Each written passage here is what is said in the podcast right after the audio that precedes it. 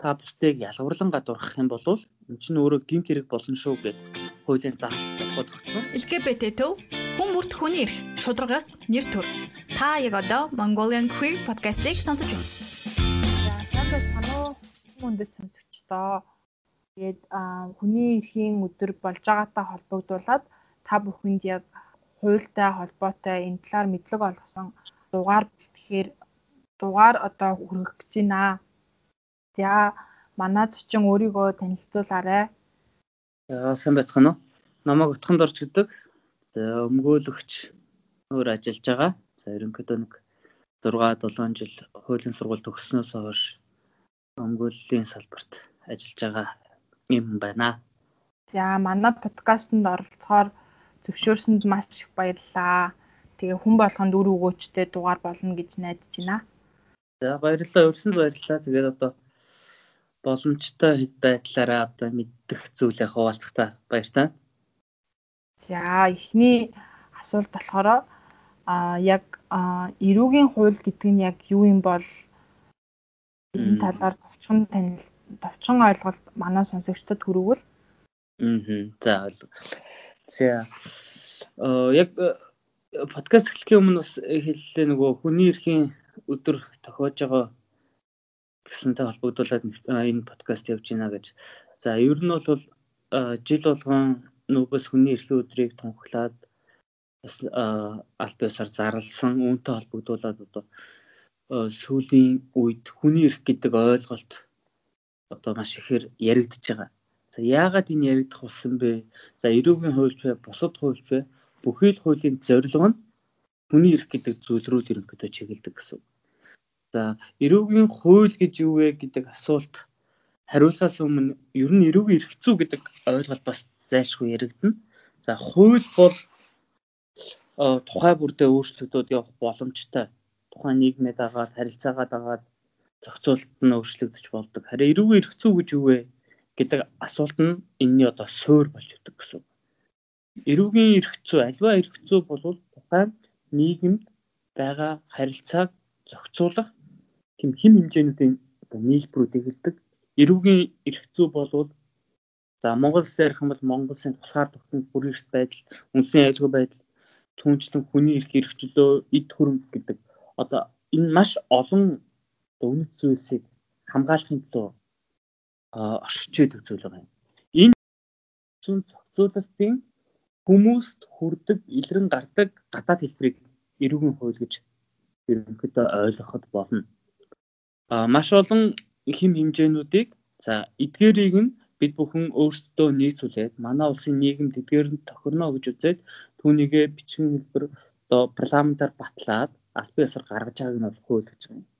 За өнөөдөр Монгол улсад хүчин төгөлдөр мөрдөж байгаа эрүүгийн хууль бол 2015 онд батлагдаад 2017 оны 7 сарын 1-ээс хүчин төгөлдөр хэрэгжиж байгаа ийм хууль байгаа.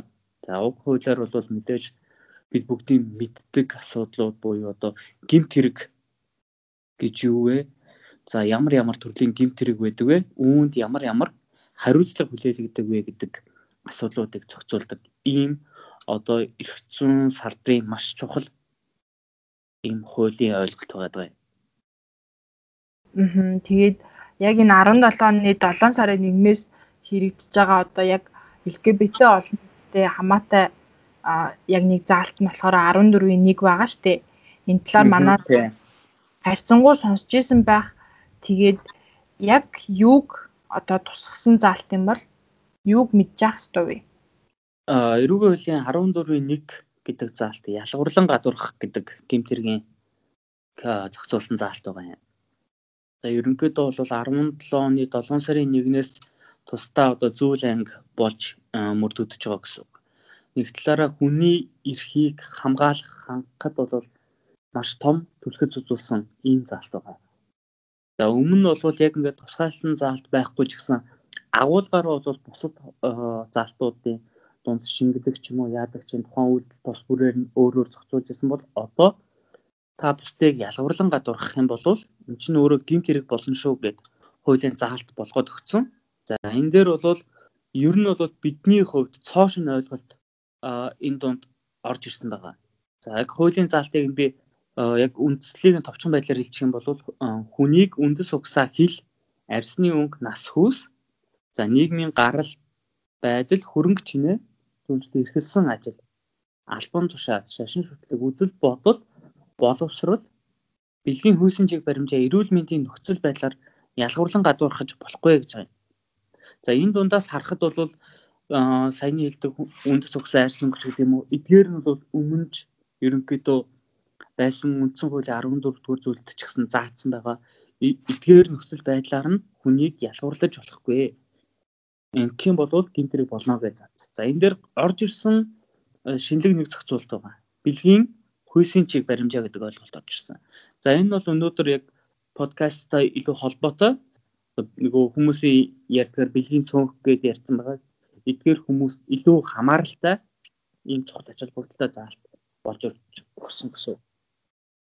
Энэ заалтын агуулга нь за бэлгийн туслал хүйсийн чиг баримжаа гэдэг дөрөв нэмэгдсэн шиг мөртлөө энэ цаанаа маш одоо гүн гүнзгий өргөн утга агуулгыг илэрхийлж байгаа гэсэн.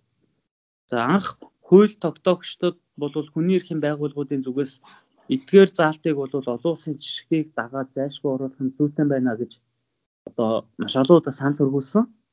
За гэхдээ яг анх удаа ийм заалт орж байгаа учраас хууль тогтоогчдын зүгээс бол яг хангалттай хэмжээнд хийгээгүй. Угтаа энэ агуулгын бүтэн заалт нь юу гэхээр бэлгийн чиг баримжаа хүүсийн баримжаа илэрхийлэл гэсэн олон улсын нэр томьёо уг нь бүхлээрээ орох хэрэгтэй байсан. Гэтэл энэ дээр бол а юу гэдэг агуулга нэг юм а гэж үзээд ингээд хураангуулаад оруулчихсан харагдаад байгаа. Нэг талаар бол алдаа хэдэж бас эдгээр үг нь одоо орж ирж байгаа гэдэг нь энэ нөрөө бас хүний эрхийн том дэвшил болж байгаа. Энэ цаашдаа хэрхэн хэрэгжих вэ гэдэг нь бол тусдаа ойлголт. Бүхий зүйл анхныхаараа бол төгс болдоггүй явандаа засан сайжруулад явчих боломжтой. За тэгээд эдгээр саяны миний хэлсэн нөхцөл байдлуудаас хамаарат бусдыг ялгуурлан гадуурхаад ямар нэгэн эрх хэрэгчлөөг нь хязгаарлах юм бол та хуулийн хариуцлага үдээ шүү. Энэ нь таныг хорж болно, таныг торгож болно. Таны үйлдэлээс чи хамаарат ямар ч байж хууль заасан арга хэлбэртэй байж болно гэдэг энэ асуудлыг л зохицуулсан хуулийн заалт шинээр орж ирсэн. Энэ нь бол бас маш чухал ач холбогдолтой заалт гэж хараад байна. Чухал маш одоо чухал ач холбогдолтой гэж би одоо яг LGBT хүнийхээ хувьд бол үздэг. Одоо өмнө нь жишээ нь яг бид хэдийг Монгол улс ч юм уу одоо яг хуулийн дагуу хамгаалсан гэдэг үг хэлэх одоо ирэх байгаагүй ч юм уу тийм юмнаас болоод хүмүүс одоо маш ихээр биднийг одоо гадуурхдаг ч юм уу тий цахим орчинд ингээд руугу бай зүгээр бай үх гэл гэдэг үгийг чөлөөтэй хэлдэг. Одоо л адаглаад энэ хуулийг шууд копидад оруулцдаг байхгүй юу? Эн чинь гинт хэрэг шүү гэдэг би бол тэгэж хэлдэг. А үүн гадна яг энэ хуулийг хэрхэн ашиглаж өөрийгөө хамгаалах вэ аа за а яг за хуулийг хэрхэн ашиглах вэ хамгаалах вэ гэдэг асуудал өгтөө бол агуулгаараа үндсэн зарчмаараа юу гэхээр хууль тогтоогч хууль баталснаар бүхний дагаж мөрдөх үүрэг үүсдэг гэсэн үг. А би энэ хуулинд хамгаалагдгийг гэхгүй энэ хуулинд батлагдсанараа бүх хүмүүсийг хамгаалж явах үүрэгтэй. Уг нь бол зарчим юм. За гэхдээ а ерөнхийдөө хуулиа мэдгүй хүн нэгт бусдыг эрхийг зөрчиж болно. Өөрийнхөө эрх зөрчигдөж байгааг бас мэдгүй байж болно. Аа таны сая хэлсэн шиг үгдээ онлайн, сошиал орчинд за өдөр тутмын энгийн амьдралд ч гэсэн бэлгийн бэлгийн чиг баримжаа хүйсэн баримжаа илэрхийлэлээр ялгуурлан гадуурхаж явах үед энэ миний эрхийг зөрчөөд байна гэдгийг мэдгүй хохироод явж идэх хүмүүс маш олон гэсэн үг. Тэгэхээр өнөөдөр ийм хууль гарч байгаа нь а миний энэ эрх чөлөө өнөөдөр хуулиар хамгаалагдсан, баталгаажсан байна гэдгийг нэгт мэдэж авах нь өөрийгөө хамгаалж байгаа хэлбэр гэсэн үг. За хоёрт үнэхээр тухайн үйлдэл нь таны эрх ашигыг ноцтой зөрчөөд байна гэж үзэх юм бол холбогдох хуулийн байгууллагад буюу цагдаагийн байгууллагад ханднаа. Энийний дагуу хэрэг үүсгээд хуулинд байхад хэрэг үүсгээд шалгах холбогдох этгээд хариуцлага хүлээлгэх одоо боломж нь бүрэн нээлттэй байгаа гэсэн. За уг за яг өнөөдрийн байдлаар практик дээр нэрүүгөө 14.1 гэдэг заалтыг хэрэглээд бусдад хариуцлага хүлээлгэсэн зүйл байна уу гэж одоо ерөнхийдөө бас судлаачийн хувьд шүүж үзсэн. За тэгэхэд яг миний харснаар бол өнөөдөр шүүхээр эцэслэн шийдэгдсэн хэрэг одоогор байхгүй байгаа юм. Энэ юу гэж юм гэхээр нэгт хуулийн байгууллагад хандж байгаа хүмүүс нь цөөхөн байна гэсэн үг. А хоёрт хандсан ч гэсэн шалгаж байгаа холбогдох хэрэг бүхий этгээд мөрдөгч прокурорын байгууллага, шүүхийн байгууллагын зүгээс бас уг хуулийг бүрэн дүрэн ойлгож хэрэгжүүлж байна уу гэдг нь бас эргэлзээтэй харагдаад байгаа юм. А ерөнхийдөө өнөөдрийн байдлаар 14.1 гэдэгт хамааралтайгаар буюу бэлгийн чиг баримж өхөөсөн баримжаа илэрхийлэлээр ялгуурлан гадуурхсны улмаас үлдэгдсэн гэмт хэргийг шалгаж байгаа гурван тохиолдол харагдаж байгаа боловч хоёр нь бол мөрдөн байцаалтын шатанд нэг нь бол сая анх шатны шүүх хурал болсон хэдий ч одоо хэрэгсэхгүй болоод тэгээд хөрчийн зүгээс давзаалтах гомдол гаргаад явж байгаа ийм нэг хэрэгүүд байгаа юм. Гурван хэрэг байна гэдэг нь бол ерөнхийдөө цөөхөн тохиолдол ягаад тэгэхээр өнөөдөр яг бодит амьдрал дээр тэр төрлийн гэмт хэрэгүүд үйлдэж байгаа тохиолдлууд бол цөөнгөө байгаа байхгүй. Тэгэхээр хүмүүс түүнийг холбогд байгууллагууд мэдээлэхгүй байна, нууж өнгөрч байна. Эрхэн зөрчигдөж байна гэдгийг мэдэхгүй байгаад байна.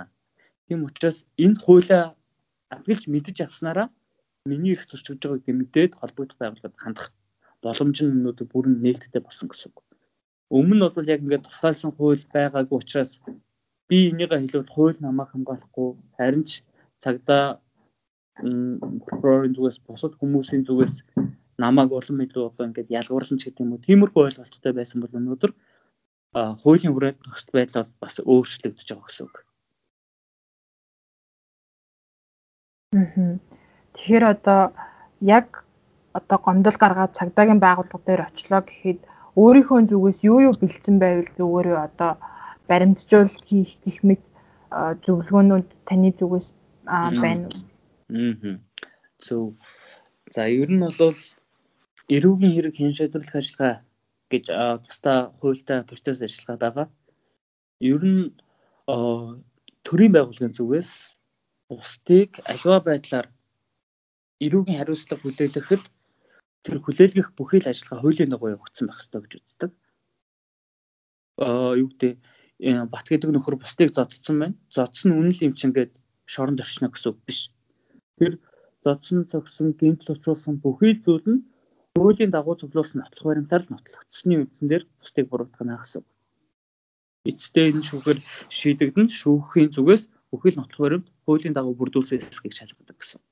За тэгэхээр хэрв зэ өөрийгөө гимтэргийн хохирогч болчлоо гэж үзээд а хамгаалуулъя гэд хуулийн байгууллагад хандсан тохиолдолд бас тодорхой хэдэн үүрэг хүлээнэ. Та хохирогч бол хууль заасны дагуу үнэн зөв мэдүүлэг өгөх үүрэгтэй бусдыг гимтэргүүлсэн гэж гүтгэх нь хориотой гэсэн. Хэрвээ бусдыг гимтэргүүлсэн гэж гүтгэх юм бол та өөрөө а бас гимтэргүүлдэж байна гэсэн үг. Эрүүгийн хариуцлага хүлээн. За тэгэхээр эхэж та үнэн зөв мэдүүлгийг өгөх ёстой. Хоёрт өнөөдөр энэ төрлийн гимт хэрэгүүд ямар хэд арга хэлбэрээр одоо үйлдэгдэж эхэлсэн бэ гэхээр юу гэдэг хуучны одоо байдал шиг олон нийтийн дунд одоо доромжлоо тохоосоо илүүгээр сошиал цахим орчинд халтж гин нэр төрд нь халтж гин доромжилж гин утсаар доромжилж гин мессежээр мессенжерээр ч гэдэг юм уу иймэрхүү илүү цахим техник технологийн одоо хэлбэрүүдээр энэ гэмтрэг үйлдэх тохиолдлууд бол гараад байгаа. Тэгэхээр тухай бүрдээ хин нэгэн тань руу мессежтэй тань тантай холбогдлолтой зураг юу гэдэг нэр төр талцсан ялгуурлан гадуурхсан пост ямар нэгэн нийтлэлд хараалаа гэхэд тухай бүрд нь эдгээрийг баримтжуулж авч явах хэрэгтэй гэсэн үг. Утсан дэрсэн мессежийг бол хизээж устгаж болохгүй. Энийг та уцтайгаа цагтаагийн газар хийгээд үзлэг хийх юм бол энэ нөрөө баримт болдог. Ямар нэгэн Facebook-ийн группт таны талаар пост оруулсан байх юм бол тухайн постыг нь хадгалж аваад тухайн группт нь мөрдөгчөөр үзлэг хийх юм бол энэ өөрөө нотлох баримт болно гэсэн. Тэрнээс биш өөрөө амаараа намайг тэр хүнд тэгж хэлсэн байлаа, тэнд тэгээ бичсэн байлаа гэд амаараа гомдол гаргах юм бол тэр мөрдөгчин таны хийсэн зүйлийг шалгын нотлох ихэд ямар ч баримт байхгүй гэсэн. За эрүүгийн хэрэгтгүү яг иргэний төрлийн хэрэгүүд дээр өнөөдөр яг хүмүүсийн дунд нийтлэг байдаг нэг алдаа юу гэхээр амаар тохиролцсон тэр амаар тэгж ярьсан гэдэг зүйл хэрэгдэд байдаг. За яг хуулийн амлын хүрээнд аман гэрээ гэдэг зүйл байдаг боловч өнөөдөр бодит байдал практик дээр бүх зүйл цаасан байдлаар ч юм уу практик дээр ер нь бүх зүйл нотлогдсон байхыг шаарддаг. Ийм учраас өнөөдөр танд ямар нэгэн байдлаар халдлага ирж байна гэх юм бол тухай бүрийг заавал баримтжуулж авах хэрэгтэй. За баримтжууллаа гэд бусдын яриаг дүрсийг зөвшөөрлгүйгээр одоо юу гэдэг тагнаж чагнах ч гэдэг юм иймэрхүү асуудал бас хуулиар хороод хориотой. Одоо хин нэгний яриаг үнэхээр өөрт нь ноцтой гимтэр тохирол учруулах гимтэрийг үйлдэж байгаа талаар биш л бол бусдын яриаг та дураараа бичих нь бас хориотой. Эдгээр ингээд үндсэн хэдэн ойлголтууд байгаа юм л да. Эдгээрийг мэдээд авчих юм бол анх цагдаагийн газар үүдийн цагдаагийн байгууллагад очоод өгөх мэдүүлгээс эсвэл ямар баримт өгөх үү гэдгээ тодорхой хэмжээнд заавал хуульж байх албагүй үндсэн одоо ойлголтуудаа авчих юм бол тэр таны одоо эрхийг хамгаалах гэдэг процесс ажиллагааж анханаас л хуулийн дагуу яваад эхэлнэ гэсэн үг. Тийм. Тэгэхээр яг уу боломжтой бол бүх зүйлийг баримтжуулах ёстой. Тэглээгээд бусдыг зөвлөгөөгөө тийм ярэ мэрэг бичих ч юм уу тиймэрхүү зүйлүүд бас хуулиар тодорхой хэмжээнд хориотой байдаг. За аль тохиолдолд бас боломж байвал хуульчид хандаж зөвлөгөө авчих хэрэгтэй. За иймэрхүү л нөхцөл байдал байна да. За ойлголоо. Миний асуултууд ерөнхийдөө ол дуусчлаа. Тэгээд таны хариулсан юмнуудаас айгүй хангалттай бас товч тодорхой санагдлаа. Яг ийм нэмж ярих гэсэн юм байгаа юу? За. Яг уу яг энэ өнөөдрийн бас ярианы гол агуулга бол эрүүгөл 14-ийн 1 гэдэг заалтын талаар ерөнхийдөө төлөхөө бас ойлголт өгье гэж би бодлоо а 14-ийн 1 гэдэг залт өнөөдөр яг практик дээр хэрхэн хэрэгжиж байгаа вэ? Энийг одоо мөрдөгч, прокурор, шүүхийн байгууллага, өмгөөлөгч нарын зүгээс бас яг нэг мөр ойлгож хэрэгжилж гэнэ үгүй юу гэдэг асуудал айгүй чухал болчиход байгаа юм. За яг хууль тогтоогч бол ямар ч гэдэг үцэл баримтлаар уг нэг хуулийн залтад энэ дөрвөн үгийг оруулсан байж болно бэлгийн хүйсэнжийг баримжаа гэдэг асуудлыг. Тэгвэл энэ өнөөдөр яг практик дээр хэрэгжихдээ хэрэгжихдээ яг ямар байдлаар ойлгогдож хэрэгжих вэ гэдэг дээр олон нийтийн боловсрал ялангуяа мөрдөгч прокурор шүүхийн одоо тусгай мэрэгчлэтнүүд эдгээр хүмүүсийн бас ойлголтыг нэгтгэх буюу эдгээрт бас ойлголт нэг мөр болсон ойлголт өгөх нь айгүй чухал болоод байгаа юм л да. Тэгвэл бэлгийн хүйсийн чиг баримжаа гэдэг дөрвөн үгийг хэлээд тэр хүний эрхийн талаар төдийлөн хангалттай мэдлэггүй хүмүүс энэ одоо ойлголтыг юу гэж хүлээж авах вэ гэдэг нь тодорхой болчиход байгаа юм. За тэгэхээр өнөөдөр бол яг эдгээр асуудлуудыг зохицуулсан энэ талаар нэгдмэл ойлголт өгсөн одоо бэлгийн чиг баримжаа хүйсийн баримжаа илэрхийлэлтийн олон эрх зүйн одоо хим хэмжээ акт буюу Жогжакартын зарчим гэдэг том зарчим байгаа. Эдгээр төр энэ ойлголтыг дэлгэрэнгүй тусгацсан. Нөгөө талаараа дэлхийн эрүүл мэндийн байгууллагаас бас энэ тодорхойлолтуудыг гаргаад өгчихсөн. Бэлгийн чиг баримжаа гэж юу юм бэ? Хүүсийн баримжаа илэрхийлэх гэж юу юм? Энэ хоёр нь юугаар ялгаатай? Ямар тохиолдолд энүүгээр нь ялгуулсан гэж үзэх вэ гэдэг асуудлууд чухал яригадаад байгаа юм. Тэгэхээр энэ дээр бас яг манай хуулийн байгууллагуудын зүгээс нэгдсэн ойлголтод хүрээгүй харагдаад байгаа учраас энэ хуулийн дагуу бусдын хэргийг шийдвэрлэх нь бас төвөгтэй болчиход байна. За би түрүүн хэлсэн яг уг асуудлаар шийдэгдэж байгаа нэг хэргийн хувьд ангар шатны шийдвэр гаргаад хэргийг хэрэгсэхгүй болгоод давзаалдж байгаа нэг хэрэг байгаа гэж ярьсан. За тэр хэрэг дээр жишээ нь би яг нөгөө уг одоо бүх шүүхэр шийдэж байгаа ихэнх хэрэгүүд бол шүүхийн цахим сан, шүүх сегмент гэдэгт бол шийдвэрүүд нь ордог. За уг шийдвэрээс харж байхад бол бэлгийн хүйсийн чиг баримжаагаар ялгуурлан гадуурхаад гадуурхсан тохиолдолд энэ нь өөрөө хүний ямар эрх хэрэгчлөөг хязгаарлаж байгаа вэ гэдэг дээр хуулийн байгууллага бол нэгдмэл ойлголтод хүрээгүй байна гэж миний бодлоор хараад байна. А тухайлбал юу гэм хөөсийн чиг баримжаагаа олон нийтэд илэрхийлээ олон нийтэд зарлчихсан хүн ямар тохиолдолд илэрчлөө гарлагдах юм бэ? Тэгэхээр өнөөдөр шүүхээс хөөсийн чиг баримжаагаараа ялгуурлагдсан хүнийг та ялгуурлагдсан байж болно. Ялгуурлагдсанаар таны үндсэн үед заасан хөдөлмөр хэрэгчин зөрчигдөд байгаа мó? Зөв эрүүл аюулгүй орчин чинь амьдрах хэрэгчин зөрчигдөд байгаа мó гэдэг байдлаар хүлээж авч байгаа нь энэ хуулийн үндсэн агуулгыг бүрэн ойлгоогүй. Хүний эрхийн тухай ойлголтыг бүрэн аваагүй байгааг илэрхийлж харагдаад байгаа юм л да.